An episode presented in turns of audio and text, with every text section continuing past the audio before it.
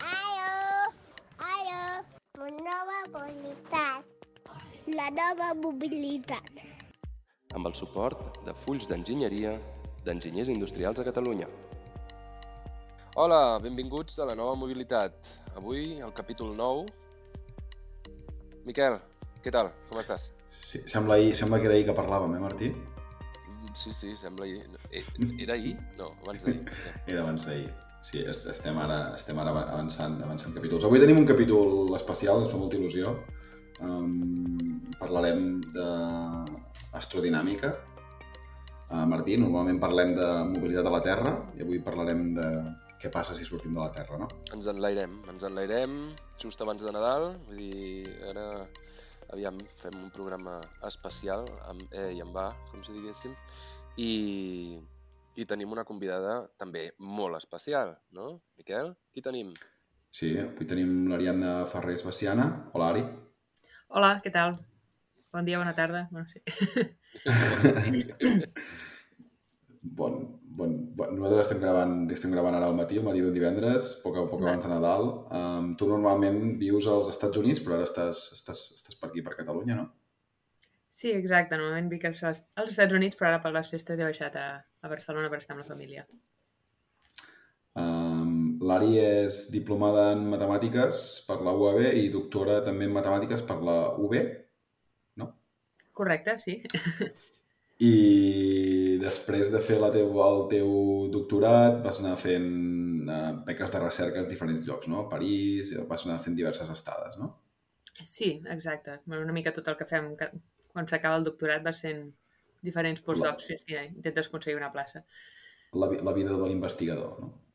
Exacte. Um, vas, i en, en una d'aquestes vas fer una estada a la NASA, a l'Institut Goddard, era això ja? Sí, exacte. Sí, el 2017 o així vaig fer una estada de quatre mesos a, a l'Institut Goddard. Eh, Després Um, Institut Goddard és a Maryland, a prop de Washington, és, és un dels instituts de la NASA, no? Què, què, què fa l'Institut uh, Goddard? A l'Institut Goddard no et sabria dir si és el més gran, però és un dels més grans instituts de la NASA i fan sobretot eh, observació de la Terra, eh, però també hi ha centres d'heliofísica, eh, alguna missió a Mart... O sigui, fan una mica de tot. És un centre molt gran i, i s'estudien diferents parts, on hi ha tant enginyers com científics i, i es preparen moltes missions espacials. Com a tret eh, curiós, el, el James Webb, per exemple, eh, tot el centre de control està a Goddard i els miralls del, del telescopi els, els van construir a Goddard mateix. És un telescopi que es va llançar a l'espai um, aquest any, crec, fa, fa uns mesos, i és com el substitut del Hubble, no? I estem veient imatges Sí. molt, molt, molt espectaculars. Exacte. bueno, de fet, Ah. just l'any passat per Nadal, el dia de Nadal, es Ah, va llançar. vale. Doncs mira, just quasi fa un any. Bé, i de fet el, el, que, el, el, el tema que et va portar la NASA o el, el, que vas, el que havies treballat abans i el que vas treballar després és el modelatge de la pressió solar. Uh, no? és, la- és la, de fet, és la teva tesi doctoral sobre com, com aprofitar-la per fer veles solars. Explica'ns una mica això. Sí, doncs eh, la pressió de radiació solar és eh, essencialment la llum del sol, que la llum del sol quan eh, xoca i rebota contra, contra una superfície, sigui el, el satèl·lit, panells solars i de més, eh, el que fa és exerceix una força extra que desvia lleugerament els, els satèl·lits de la seva òrbita nominal. I, per tant, és un efecte que, tot i que sembla petit, en, depèn de quines regions de l'espai l'has de tenir en compte per tal de, de fer millor les, pre les precisions i per tal de, de predir millor les maniobres que hauries de fer. A la meva tesi el que vam fer és una mica al revés. En comptes de, de només modelar eh, com afecta aquest, eh, aquesta força, és si puc fer servir aquesta força per moure'm per l'espai, no? Llavors, eh, la idea és posar un mirall gegant eh, amb un satèl·lit molt petit i poder-ho fer servir com si fos una vela solar, o sigui, com si fos una vela, i llavors el, la llum solar seria el nostre vent, eh, i com fer-ho servir per poder navegar per, per l'espai. Doncs eh, el que jo m'havia dedicat és com aprofitar-nos d'aquesta força per, per fer diferents tipus de missions. Eh, seria una mica l'analogia de que així com a mar podem anar amb motor o amb vela, doncs a l'espai també podríem anar amb, amb motor o, o amb vela. D'acord. Doncs um, m'ho he introduït una mica, ara voldrem parlar una mica més a, a, a fons. De fet, parlarem de dos temes avui. Un serà astrodinàmica, que serà sobre veles solars eh, i um, mecànica celest i en una segona part parlarem d'un projecte que és Hipàtia, que és una missió anàloga a Mart. Comencem amb la primera part. Um, mecànica uh, celeste i punts de, la, punts de Lagrange. Potser tindria sentit que comencéssim explicant um, què són els punts de Lagrange per entendre um, quins són les condicions um, que tenim per moure'ns en, entre cossos uh, celestes. No? Doncs, sí. Eh, ara, per posar-ho tot una mica en context, no? la, la mecànica celeste estudia una mica el moviment el, de, dels objectes a, a l'espai, no? i llavors el model més simplificat que tenim sempre és eh, el model keplerià, és a dir, tinc un planeta o el Sol i un satèl·lit, i les òrbites que descriuen en aquest cas són molt senzilles, en, en sentit que són o bé circunferències al voltant del planeta, elipses al voltant del planeta, o hipèrboles, no? que és quan ens escapem de, del planeta o ens escapéssim de, del sistema solar. No? I quan estem a l'espai, doncs, normalment quan estàs molt a prop d'un planeta o de la Lluna o del Sol, diguem que qui predomina és la força de la gravetat d'aquest planeta. Eh, el, el que passa que això està molt bé quan estem molt a prop d'un o l'altre i definim el que anomenem esferes d'influència. Però quan estem en un punt intermig, la gravetat tant, per exemple, del Sol i de la Terra tenen el mateix valor. Hi ha regions a l'espai on aquests eh, es compensen d'alguna manera, no? La, la força que...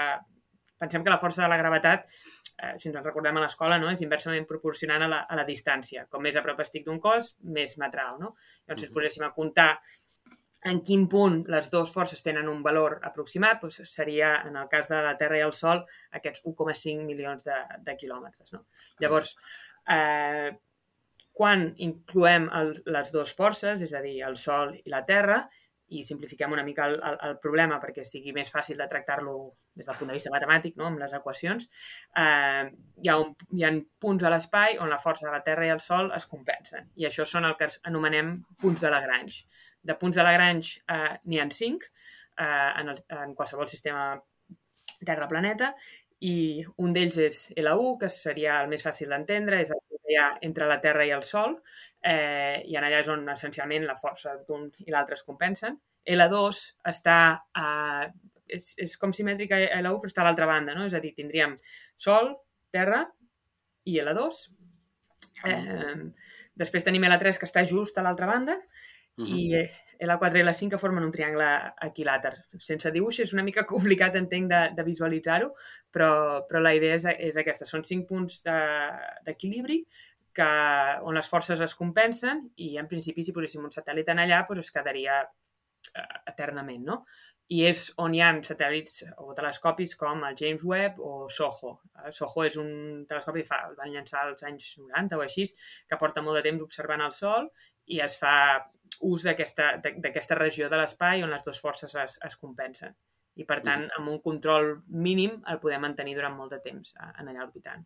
I sense haver-li de tenir una propulsió constant, no? Vull dir, és allò... Doncs que... No, eh, no has de tenir una propulsió constant perquè la, la, les forces entre si es compensen, però sí que és veritat que els dos punts, l'1 i l'2, són el que anomenem inestables. Eh, per tant, les, les trajectòries tendeixen a escapar-se de forma natural. És a dir, en, en un cert moment, eh, si, si no féssim res, el, el telescopi eh, de forma natural aniria driftant i s'aniria com desfassant entre la línia Terra-Sol, no? Llavors, un cop al mes o cada sis mesos, eh, una mica en funció també de, de, de com eh, de pertorbat estigui el sistema perquè es mou molt o, o poc el, el, el telescopi, l'haurem d'anar corregint. Però les correccions són molt petites eh, i, per tant, pot durar molt la missió. Podem estar eh, amb el combustible que tenim uns 10, 15, 20 anys eh, en allà. Perquè eh, aquestes correccions, amb quin tipus de, de combustible, amb quin tipus de propulsors es fa? Es fan amb els propulsors eh, normals, és a dir, els, eh, els, els satèl·lits, la majoria d'ells són, és propulsió química. Eh, uh -huh. Ara no sé quins són els dos components que, que es cremen, però la idea és eh, fer, fer una reacció química que faci eh, un petit impuls, com un motor eh, uh -huh. normal. Llavors eh, tens eh, cosa que s'ejecta cap a un costat i tu et mous cap a l'altre. Vale, vale. I, i, I la idea és fer aquestes petites correccions. Però pensa que així com uh, per escapar-te de la Terra i de més potser has de tenir encès el motor durant 15 minuts, uh, uh -huh. per fer aquestes petites correccions has d'encendre el motor uh, un minut o menys. És, Ja, és una correcció molt petita per, per Mhm. donar un petit impuls per, per corregir-te. I, per, perdona, et segueixo preguntant, Eh, i són dirigides o teledirigides des de la Terra, aquestes petites eh, correccions? Sí. Sí, actualment sí. Uh, que jo sàpiga no hi ha res encara que estigui volant a l'espai que es, sigui, es faci de forma completament autònoma, no? És a dir, Mhm. des de la Terra nosaltres el que fas és saber on està el, el, el, amb, amb els diferents uh, estacions uh, es diuen ground station, ara no em surt en català, però diguem que de, des dels... Bases, no? Bases espacials. bases eh, especials o des de les diferents antenes que tenim a, a, Ah. aquí, el que fem és eh, determinar on està, no? El satèl·lit envia, bueno, envies un senyal al satèl·lit i torna i determines exactament la posició i la velocitat que, que porta mhm, i en funció de on saps tu on està i on tu voldries que estigués, eh, mhm. fas la correcció aquesta. Llavors, això és una cosa que has de fer eh, naturalment. Sé que hi ha estudis i s'està intentant mirar si el mateix satèl·lit podria saber ell mateix on, on està, no? És a dir, fent servir les estrelles, eh, si, si tindria capacitat prou bona per determinar de forma... I això sí que hi ha a, a, a, alguns a, satèl·lits que, que ho fan, no? Que mirant les estrelles que tens al voltant, tu saps on estàs eh, i, per tant, en funció d'això, eh, amb, el, amb, el que tinguis a, a bord, predius la maniobra de correcció. Et localitzes tu mateix i, i navegues. Això que cada, cada vegada serà més... més o sigui, com, com més lluny estem de la Terra, més important és poder-ho fer autònomament, no? Perquè Exacte, sí. és. Exacte, el, sí, perquè més quan estàs a l'espai, clar, hi ha, hi, ha, un retard no? de, de temps en, en el que envies. A la 1 i la 2 és bastant immediat eh, el, el, el temps de, de transmissió d'allò, i per tant normalment no, no hi ha problema. Però quan estàs fent exploració d'asteroides o te'n vas a, a, a llocs més lluny sí que prefereixes fer-ho de forma autònoma. Um, estàvem parlant de propulsió, propulsió química per correcció de satèl·lits i, um, de fet, va sortir ara la nova, la, la nova missió a Mart, uh, Artemis, que és el coet més potent que s'ha llançat mai de la Terra, però funciona molt semblant que el Saturn V que va enviar l'home a la Lluna. És una combustió química, no? En aquest sentit, hem passat 60 Sí. sí. anys 50, 50 i alguna cosa. I, i, no, I no ha evolucionat massa, no? En quant a, en quant a sistemes de propulsió. I el, el tema que tu, que tu investigues eh, ens donaria la possibilitat de, un cop hem sortit de la, de, de la zona gravitatòria eh, terrestre, de, propuls, de, de propulsar-nos d'una manera diferent, no? com, com introduïes al principi. Eh, pots explicar una mica més com, com funcionaria això? Sí, bueno, la idea és una mica, doncs, eh, el mateix. Fer, eh, clar, quan... Jo crec que és una mica també el mateix que, que passa, diguem, amb, amb, quan estàs a mar, no? Eh, si vas a motor, per exemple, a l'hora de sortir de port necessites un motor perquè si volguessis sortir de port amb vela ho pots fer, òbviament, però les corrents del vent són diferents, has, has de fer més maniobres eh, i per tant et dificulta un, una mica tot plegat, no? Llavors, eh, a l'espai pues, seria el mateix. Si ens volem escapar del camp gravitatori de la Terra, fer-ho amb una vela solar és complicat, és costós, es pot fer, el que passa que és lent, perquè has d'estar mica en mica, anar guanyant, anar, anar guanyant alçada, anar guanyant alçada, perquè la força en allà qui domina és la gravetat. I per tant podries trigar de l'ordre de 60 eh, anys potser a doblar la distància inicial a la Terra. No? Per tant, eh, trigaries molt, molt de temps en escapar-te. Però un cop ets eh, a mar obert, a l'espai obert, llavors sí que té sentit eh, fer servir una vela solar per tal de poder doncs, navegar lliurement, no tens la limitació de, del combustible, no? Per m'anar a explicar, a l'espai no tenim benzineres i per tant ho hem de calcular tot molt bé perquè el combustible que portem a bord és el que, és, és el que podrem fer servir durant tota la, tota la missió. Per tant, eh, durant tota la primera part de, previ, de, d'estudi de, de, de, i disseny d'una missió, el que fem sobretot és tenir en compte molt bueno, quant combustible necessitaré per fer això i quant extra poso per als i si passa alguna cosa, no? I si eh, no em posen a l'òrbita que toca, i si... No sé què, tot, tots aquests ICIs també els incorporem a, a, com a combustible. Amb una vela solar no tindries a priori a, a, aquest problema perquè depens només de la llum del sol, Eh, ara mateix el sol no crec que s'acabi en els propers eh, 100, 200, 300.000 anys, no? per tant podríem tenir eh, font de, de llum solar i combustible il·limitat eh, i podríem moure'ns de forma gratuïta per l'espai. El que sí que té la complexitat és que clar, són, el, el que necessita sobretot perquè sigui eficient és una, eh, pes eh, que el satèl·lit pesi poc i que la superfície o l'àrea bèl·lica sigui molt gran. No? Llavors són estructures molt grans que s'han de desplegar, eh, tens el, el challenge de bueno, quan, quan la mous i, i canvies l'orientació, doncs com funciona tot això, no? com, com fer-ho de forma precisa. Eh, llavors, bueno, encara es, no hi han tantes missions amb veles solars perquè hi ha tota aquesta part eh, que s'ha de desenvolupar encara un, una mica, no? Però el que sí que és interessant, o el que sí que intenta fer la comunitat, sobretot de veles solars, és val, eh, busquem missions que no puguin fer amb, amb, amb un satèl·lit convencional. Eh, busquem aquest tret diferencial perquè d'aquesta manera sigui més fàcil que, que, que la comunitat eh, investigui no? I, i, i posi el d'allò. Si, si volem acabar fent el mateix tipus de missions però amb una vela solar, potser no, hi ha molta gent que dirà mira, no m'arrisco amb l'altre, sé que ja funciona, eh, perquè fer servir aquesta... Has de, ha d'haver-hi un, un guany, no? Un, incen Llavors... un incentiu d'alguna cosa Exacte. que no podries fer, no? Exacte. Um, la, la, i, i, I llavors, la, la, la trajectòria que faria un, un cos, un coet, un satèl·lit, seria la mateixa que, o semblant al que, a, la, que fem ara en propulsió química, és a dir, ens escaparíem de la Terra en diferents fases i en algun punt la fase que tocaria seria solar o faríem alguna trajectòria diferent per aprofitar millor l'energia del Sol? Uh, la, les trajectòries són, són diferents perquè diguem, amb, amb un motor convencional, un motor de, de propulsió química, d'alguna manera el, el que estem fent és anem saltant d'òrbita en òrbita, no? És a dir, el, eh, tu comences amb una òrbita circular, fas una maniobra i saltes amb una òrbita elíptica, eh, fas una altra maniobra i saltes amb una altra òrbita més circular més gran, per exemple. Eh, no? Si volguessis augmentar la començar amb 100.000 km a la Terra i, i passar a 200.000, no? El, el que faries amb un motor convencional és estic òrbita circular, em poso una òrbita elíptica, després em poso una òrbita circular.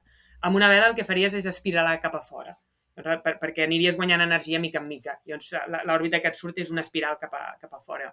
Mm. Eh, llavors, el, el, les eines que fem servir també per trobar com canviar les òrbites també són, són diferents, perquè en comptes de tenir un canvi instantani de velocitat i, per tant, un canvi instantani d'energia, amb una vela solar el que tens és un canvi continu de l'energia. Llavors, mm -hmm. mica en mica vas saltant cap a aquella altra... És accelerant, com si diguéssim, no? Exacte. Mm. Llavors, el, el tipus de trajectòries són molt diferents per exemple, si volguéssim escapar del sistema solar, que ara hi ha molt d'interès no? en, en fer servir veles solars per escapar de, del sistema solar, uh -huh. amb, amb un motor convencional el que fas és, com a molt, passes a prop de Venus per fer el que anomenem el, el Gravity Assist, no? per, per agafar una mica d'energia de Venus i anar sortint i intentes passar a, a prop d'alguns planetes perquè aquests t'impulsin i, i amb una vela solar el que fas és acostar-te molt al Sol, eh, perquè la pressió de radiació solar, com més a prop del Sol estiguis, més important i rellevant és, perquè reps més quantitat de lluny per, per superfície àrea, eh, per àrea. Llavors el que fem és acostar-nos molt al Sol per agafar un bon impuls, per, perquè en allà agafarem eh, tot, tot la, el canvi d'energia que necessitem i sortir disparats. No? Llavors l'òrbita és completament diferent. T'acostes al Sol i d'allà surts disparat cap a, cap a fora. O sigui, són, sí, són diferents el tipus de trajectòria que, se, que segueixes. Per exemple, la, la, el prim, la primera sonda que va sortir al sistema solar va ser la sonda Voyager, es va llançar a la Terra l'any 77 i va sortir el 2012, és a dir, va estar 35 anys navegant per sortir. Podríem anar més ràpid amb una vela solar? Eh, sí, al, al final també, com tot, dependrà de, de gran que sigui la, la teva vela solar, no? Però, però hi ha estudis que, que, que creuen que amb, amb menys de 10 anys podríem escapar al sistema solar amb una vela solar prou, prou gran.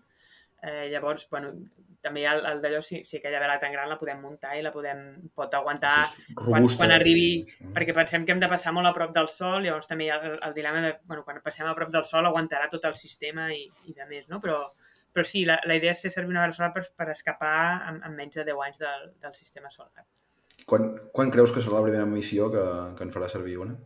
Ostres, eh, Clar, ja, ja hi ha hagut un parell de missions uh, de test, però totes han estat missions de, de test, de, de, de, de, prova, no? De fet, fa, jo diria fa un, cosa d'un parell de mesos, va, va acabar l'última missió en vela solar que es deia Light Sail 2, o sí, la, el Light Sail 2, que és del Planetary Society, que estava donant voltes a la Terra i el que van fer és, l'han mantingut jo diria que a prop d'un any eh, orbitant al voltant de la Terra i, i provant doncs, guanyar una mica de, d'alçada, baixar i de més. Quan sincerament, ho, ho, em costa molt perquè des dels anys que porto vivint, treballant amb veles solars, que ja són més de 10 anys, eh, la sensació que tinc sempre és que hi ha com pics de fama de les veles, sembla, tot sembla que ja, ja comença, ja comença, ja comença, i puf, torna a baixar.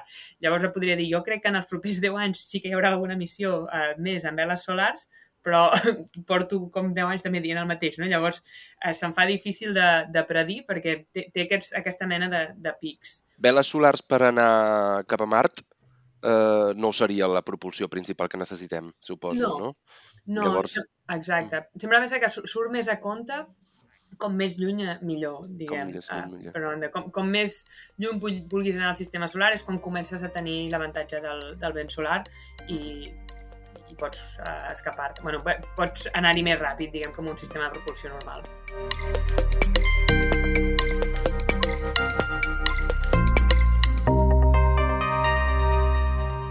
Vaig fer un viatge als Estats Units que vaig travessar el desert de Utah, vam estar moltes hores i llavors em faltava material de podcast i la- l'Ernest Ilatza, de fet a l'Ernest li he demanat que vingui al podcast, encara no, no l'he convençut, em va passar aquest, aquest podcast eh, que es diu um, uh, The Habitat, que era, parlava sobre l'experiència d'un grup de persones que en aquest cas van anar a Hawaii i van fer una experiència anàloga a Mart i llavors doncs això, estaven, estaven aïllats i volien, volien um, simular com seria la vida que passarien allà, quines són les limitacions, no? I és, és un podcast que està bastant, bastant interessant, sobretot s'enfocava amb la part, amb la part social, no?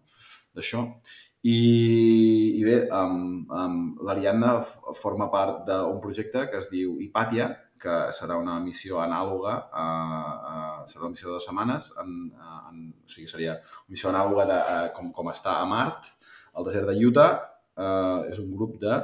Quantes, quanta gent sou, um, Ariadna? Som nou dones eh, catalanes que, que anirem al desert de Utah a, a fer aquesta missió anàloga. L'estació anàloga forma part de la Mars Society, que, que es dedica a organitzar aquest tipus de, de missions anàlogues, i nosaltres ara farà un, un any o així, vam, una miqueta més, vam aplicar eh, amb el nostre projecte de recerca i la nostra tripulació eh, per, dem per demanar plaça, diguem, i fer una, una estada durant 15 dies i a l'abril del 2023 és quan anirem a, a allà i estarem con- confinades durant dues setmanes. Mm. La, la missió, la que la dirigirà o la que portarà al davant és la, la Mariona Badenes, em sembla, no? Que, Correcte. que ja hi havia estat en un tipus de, de missió així, em sembla. Sí, la, la Mariona Badenes va estar, ja, ja ha participat en una missió anàloga el 2019 eh, amb la tripulació, em sembla que es diu LATAM 3, si no recordo Mhm. malament, eh, i de fet és una de les condicions de, de la Mars Society per, per poder aplicar eh, algun dels, un de, almenys un dels membres de la tripulació ha d'haver estat abans en una missió anàloga, suposo per, per tenir una mica de control de tota la part de protocols i, i, i el que s'espera. I, per tant, el, el crew commander, eh, el comandant a bord, eh, ha de ser algú que ja hagi estat eh, prèviament a la missió i aquesta és la Mariona. I, de fet, entre la Mariona i la Carla, eh, que són les, les dues jefes, eh, són les que ens van anar reclutant a cada una de nosaltres eh, en funció del que elles tenien pensat per, com a missió, diguem, el, el que volien proposar. La Carla és... Estem parlant de...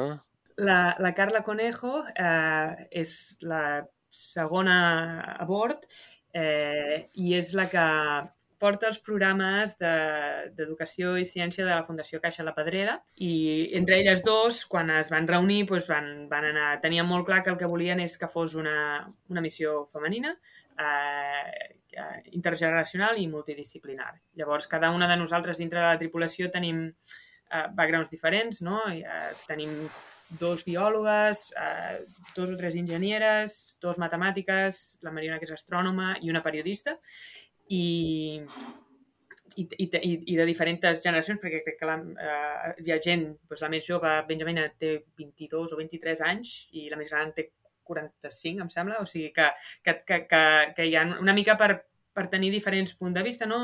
Per una banda tenir gent amb carrera científica ja consolidada i, i gent dins de la tripulació, eh, dones dintre de la tripulació que tinguin um, carre- estiguin a l'inici de la carrera, no? I llavors, de, de manera de que entre nosaltres també eh, siguem mentores una de, unes de, de les altres, no? I fomentar aquesta, bueno, una mica tot plegat, eh, inspirar-nos entre totes. I el teu camp de recerca o el teu experiment que tindràs allà eh, tindrà a veure amb la mobilitat a Mart, no? A més a més. Sí, exacte. En el, en el meu cas, eh, una mica inspirat eh, amb la pel·lícula de The Martian, no sé si l'heu, o el llibre de The Martian, que no sé si l'heu vist, no? que el Matt Damon es queda allà tancat a, a Mart i, i en un cert moment que s'ha de moure a- al voltant de Mart i ell fa servir les estrelles per tal de, de navegar.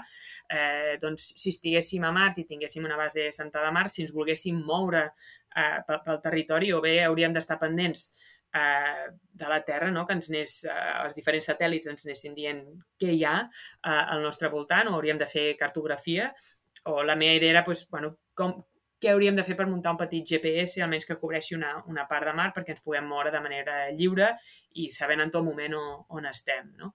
Llavors, la, la idea és doncs, fer uh, petits estudis d'aquesta idea, de què, què necessitaríem per poder tenir una constel·lació de, de GPS amb el, amb el mínim de, de satèl·lits uh, i com els podríem posar des de Mart, si els hauríem de construir des de Mart, si seria més factible que els portem de la Terra, una mica eh, aquestes coses. Molt bé. Um, a part d'això, crec que hi ha també un projecte de la Neu Sabater que vol fer bateries amb materials orgànics. Té una startup que es diu Fuelium i, i és un tema també um, molt interessant, no? Seria com, com, com crear bateries amb materials que et pots trobar a Mart, suposo, no? Seria la idea. Exacte, aquesta seria la, la idea. Llavors, com que el, el desert de Utah, diguem, la topografia i, i la part geològica és bastant similar al que trobaríem a Mart, doncs la idea és poder, eh, òbviament, dintre de les limitacions que té fer coses a la Terra respecte a fer-les a Mart, doncs intentar, eh, si el seu projecte és veure, aviam, de, del material orgànic, les roques i de més que hi ha al voltant, com poder fer servir aquests materials per, portar, per tal de fer eh, bateries eh, en allà. Clar, pensem que quan estem a Mart hem de ser al màxim de sostenibles eh, possible, no? Si, si, si constantment hem d'anar enviant recursos des de la Terra, al final un assentament a Mart serà molt, molt costós. Llavors la idea és que al final tot es pugui fer des de, des de Mart. I un altre projecte relacionat amb, amb mobilitat um, és el de la Cesca Cufí Prat, no? treballa a Airbus i ella mirarà de uh, fer un dron. De fet, de fet, ara hi ha un dron a Mart, no? L'última missió a Mart ha portat un dron que, que ha fet diversos, diversos Sí. vols en allà.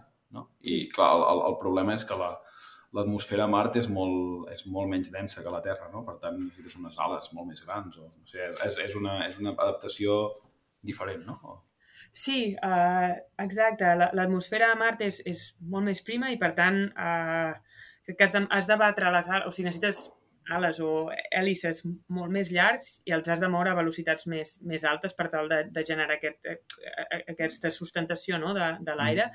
Eh, I, de fet, va ser tot un èxit. Em sembla que es deia Ingenuity. És de la NASA, també, no? És de la NASA, sí. Sí, Sí, perquè anaven junts, diguem, el Perseverance eh, portava doncs, to- tots els seus d'allò i tenia aquest petit helicòpter a, a dintre, que de fet, eh, com a missió nominal es, es tractava d'encendre'l de, d'encen- i apagar-lo un cop, fer, fer un vol i ja està, Ho han això era la, la no? missió. Va funcionar tan bé que, que, es va, que em sembla que el- el- l'helicòpter es va dedicar a, a perseguir a, a Perseverance durant molta estona i, i sincerament desconec si encara l'està perseguint. De fet, a, a Mart eh, és molt complicat aterrar, o sigui, en, en si tot plegat és, és complicat i, i el que demostra és la, la, les poques sondes que hi ha, eh, o sigui, orbitant a Mart hi ha molts països que, que ho estan fent, eh, però, eh, clar, pensem que per aterrar a Mart, com que hi ha 15, mi- eh, depèn del, del temps, no? però hi ha uns 15 minuts de, de retard en el temps que estem més allunyats i són uns 7, em sembla que en el moment que la Terra i Mart estan més a prop. Per tant, eh, tot ha de ser teledirigit, perquè el, crec que quan Perseverance va, va aterrar, eh, crec que des de que entra a l'atmosfera fins que arriba a terra eren uns 7 minuts, si no recordo malament, hi havia uns 15 minuts de, de delay a, a, en quant a, a comunicació.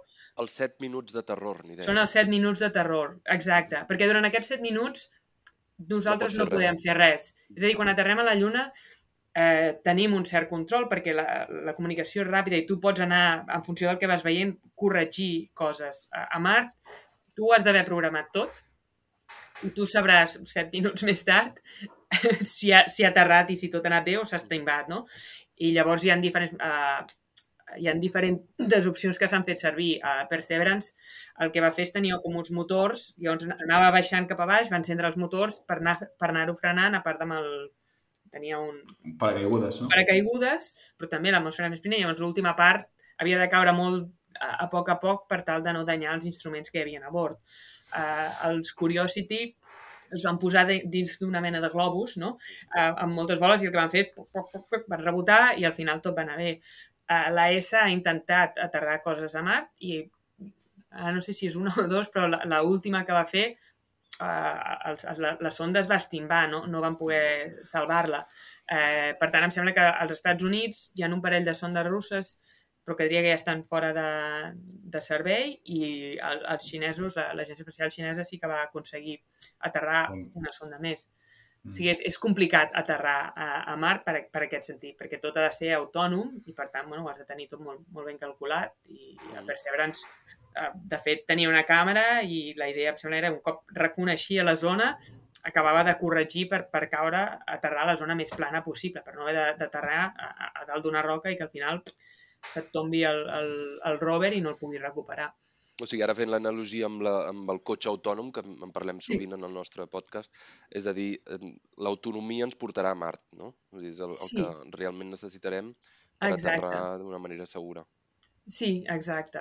Bueno, I de fet, ara totes les investigacions que s'estan fent a Mart és com més autònomes les puguem fer, eh, millor, no? Em sembla que el, el, des del el Perseverance, que és l'últim rover, eh, molt d'ells s'assembla molt a l'antic, el que passa que té més autonomia sola, és a dir, actualment tots els rovers que tenim a, a Mart doncs, anem controlant i des de la Terra li vas dient, bueno, ara gira a la dreta, mou-te 10 quilòmetres, després gira a l'esquerra, per, per anar... Nosaltres li anem dient què ha de fer, no? perquè autònomament no, no sap fer res. En canvi, el Perseverance tenia una mica més de llibertat de poder-se moure autònomament en funció de, del reconeixement que anava fent de, dels voltants, no? És a dir, ser capaç de detectar que hi ha una roca, que hi ha un, una pendent, que no puc pujar per allà i giro i me'n vaig cap a una altra banda, per no haver d'estar constantment fent fotos perquè és molt més lent tot plegat eh, si t'has d'anar movent guiat per la, per la terra, diguem. I això es fa a través d'intel·ligència artificial i de, diguem-ne, de eh, preprogramació? És programació, intel·ligència artificial o machine learning. Des, des, desconec exactament els motius, però suposo que són bastant similars al, al que es fa servir en cotxes autònoms, no? que, que ha de reconèixer... Localització, percepció, navegació, serà coses sí. semblants, suposo. Quin, quin suposo que nivell sí. d'autonomia li podríem posar, Miquel, en això? Home, la, la gràcia en allà és que no hi havia nans, no? No, Exacte. com a la Terra, sí. per tant, no, i, vas, i vas més a poc a poc, i normalment vas més a poc a poc perquè eh, sí. les missions tenen una, tens una mica més de temps, per tant, el, el risc és menor, però clar, el tema, el, el tema, per exemple, el tema complicat allà és que si et quedes bloquejat, no? Si, si et fos, si et fos en, un, en un sot i la roda se't bloqueja, no hi haurà ningú que et vingui a treure, per tant, tens, tens un altre, tens un altre, un altre domini operacional que parlàvem amb la, amb, amb la Núria a l'últim a l'últim capítol eh, i un, una sèrie de limitacions molt, molt diferents, no? Però, però sí, aviam, jo crec que localitz, localització, percepció, eh, navegació, moltes coses són, són exportables del que fem en conducció autònoma a, sí. a, a, a, a la Terra.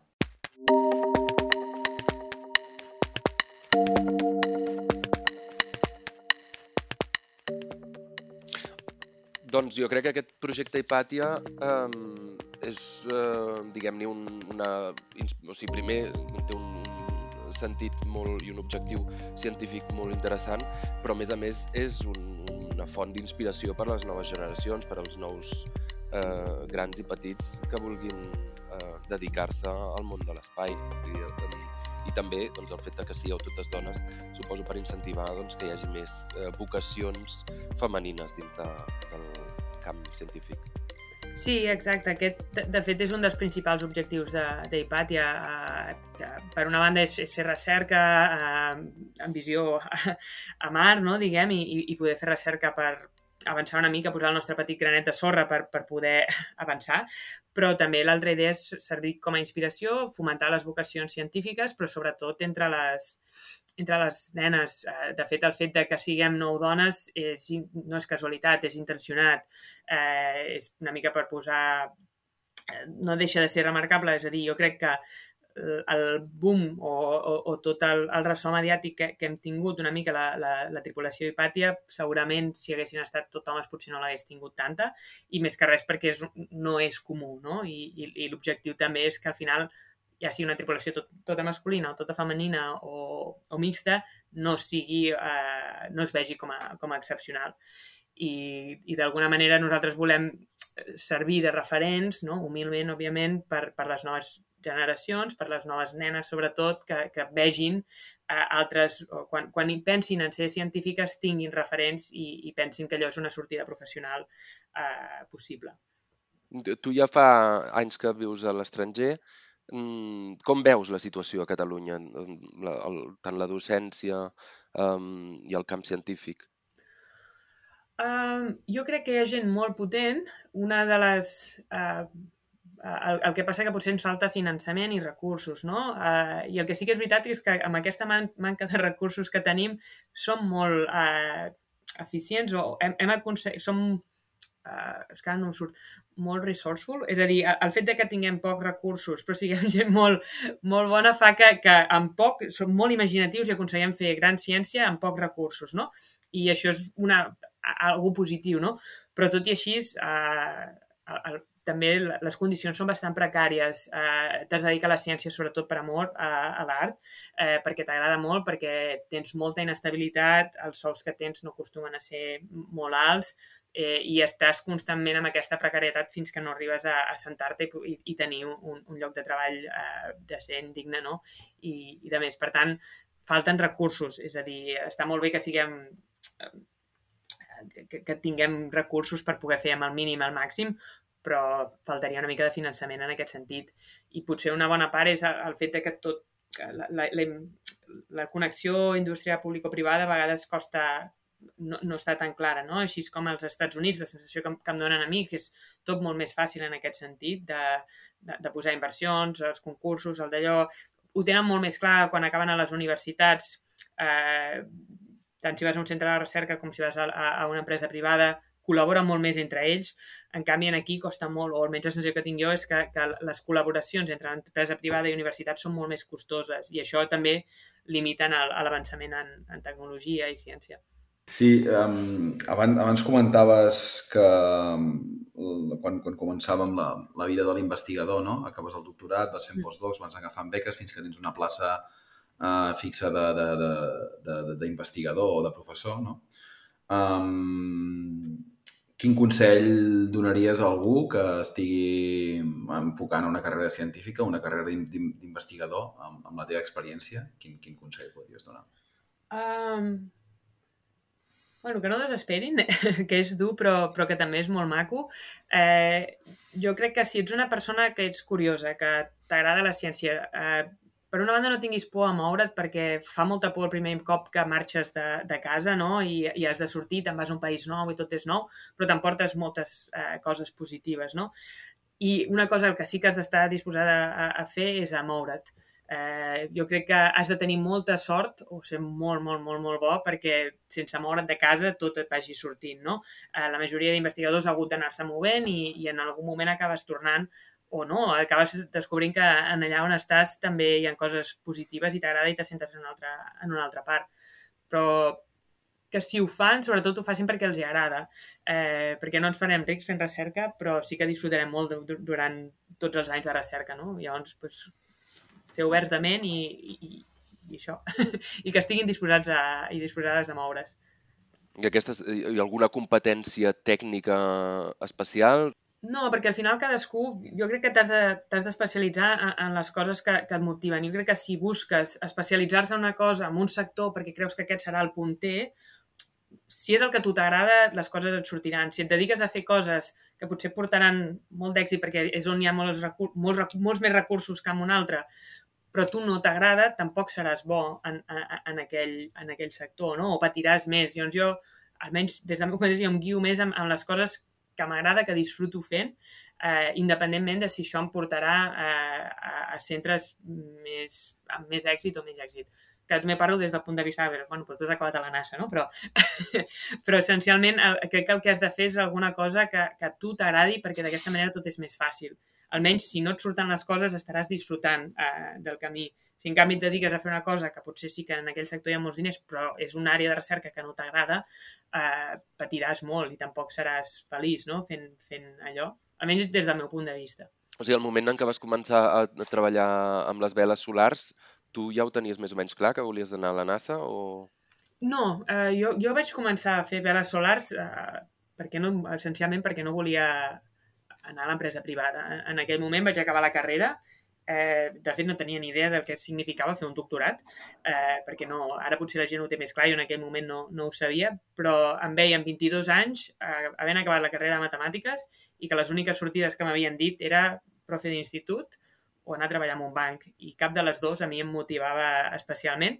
Tenia ganes de fer alguna cosa de, de l'espai, i parlant amb companys i professors em van dir que hi havia aquest grup de recerca a la UB que feia coses, eh, aplicar les mates a l'espai i parlant amb el, meu, amb, amb el que va ser el meu director de tesis, doncs, primer havíem de fer coses de low thrust i vam anar, just aquell any va sortir un curs a la UB sobre coses de l'espai i un dels cursos era sobre veles solars i ens va interessar el tema i vam dir, va, doncs farem la tesi d'això. O sigui, va ser una mica va, va aparèixer, no? Eh, també com que a mi m'agradava molt navegar a mar, doncs era com ideal, no? Mira, navegues pel mar i també navegues a l'espai. Ja, ja, ja, ho hem, ja ho hem notat quan ens ho explicaves, eh? No, no sé si... Sí, no? s'ha notat. L'Optimist o no sé quin, quin tipus de, de barqueta. De vela. Barc, O de de vela. jo, jo, jo he navegat en, en patí català. Que... Patí català. Molt bé. Sí, només una, una, una curiositat, potser, sobre la NASA. Um, paritat de gènere i d'origen, um, com en el teu grup o en general a Goddard o... que vist. de gènere- europeus, també. No? Sí. Um, aviam, eh, realment sí, uh, encara hi ha més homes que dones. No et sabria dir exactament a, a, els números, a, a, quan estan els percentatges, perquè també depèn molt del, dels grups de recerca i de més. En, en el meu grup uh, sí que hi ha bastantes dones, però la majoria són homes, per, per descomptat. Diria que vostès estem en un 30%, uh, més o menys, en el meu grup, però després hi ha altres que és majoritàriament uh, homes. Per tant, encara hi ha un, un biaix. Um, i en quant a origen, eh, la majoria són americans. De fet, per treballar a la NASA eh, és molt més fàcil si ets, si ets americà i, per tant, tots són d'allò, però sí que és veritat que hi ha molta diversitat eh, perquè eh, hi ha molta, moltes famílies de primera segona generació que, que no són americanes, no? Eh, I, per tant, sí que hi ha diversitat. A la part d'enginyeria, et diria que la majoria són eh, americans i quan et, et, et pa- passes a la part més científica sí que hi ha molta més diversitat. Eh, els científics sí que són d'arreu del món. És molt més fàcil ser científic, ser que, que tinguis gent de diferents parts del món. Eh, en canvi, a la part enginyeril potser és, és, està més limitat a, a americans. Molt bé. Um, doncs moltes gràcies, Ari, per passar una part del teu divendres matí amb nosaltres i per venir-te a fer aquest episodi amb nosaltres. Jo crec que um, és un tema, és un tema que, no, que no coneixem tant, Martí, però jo realment em, em feia molta il·lusió i m'he passat molt bé i, i espero que, que, que, que sigui també d'interès uh, per, la, per la nostra creixent comunitat de la mobilitat. Uh, Martí, tu com, com, com ho veus? Sí, no, la mobilitat eh, ja veiem que també hi ha similituds no? en el tema de l'au- de l'autonomia, en el tema de, de la propulsió, no? de, de, que s'utilitzen combustibles alternatius, no, no només eh, l'oxigen, l'hidrogen que, que s'utilitza normalment per al, els, enviar els coets a l'espai, sinó aquestes veles solars, per exemple. Eh, jo trobo que sí, que, que té a veure molt amb la nova mobilitat, el nou espai, el new space, que se n'hi diu, um, i la carrera espacial que, que sembla que hagi agafat una mica més d'embranzida ara els últims anys i també no només eh, per anar a Mart, sinó per tornar a la Lluna i tota aquest, eh, aquesta tecnologia i aquest desenvolupament que, que trobo que també té molt a veure amb la nova mobilitat d'alguna manera. Així que moltes gràcies, Ari, per, per passar aquesta estona amb nosaltres. Disfruta de les vacances per eh, Barcelona, per Catalunya, i, i torna amb les piles carregades cap a, cap a Maryland i aviam, ja seguim en contacte. Sí, Miquel, T'anirem ens n'anem de vacances, no?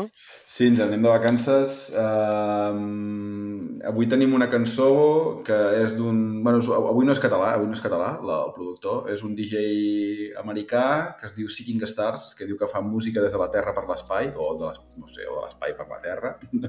Ell està a l'espai una mica, penso. I és un remix d'una- d'un tema de John, Hop John Hopkins que es diu Abandon Window. Um, crec que ajudarà a seguir una mica en òrbita. Enlairar-nos. Molt bé. És una mica. Doncs, Perfecte. Uh, doncs bé, molt, bones festes a tothom i fins aviat. Bon abraçada. any. Vinga. Adéu. Thank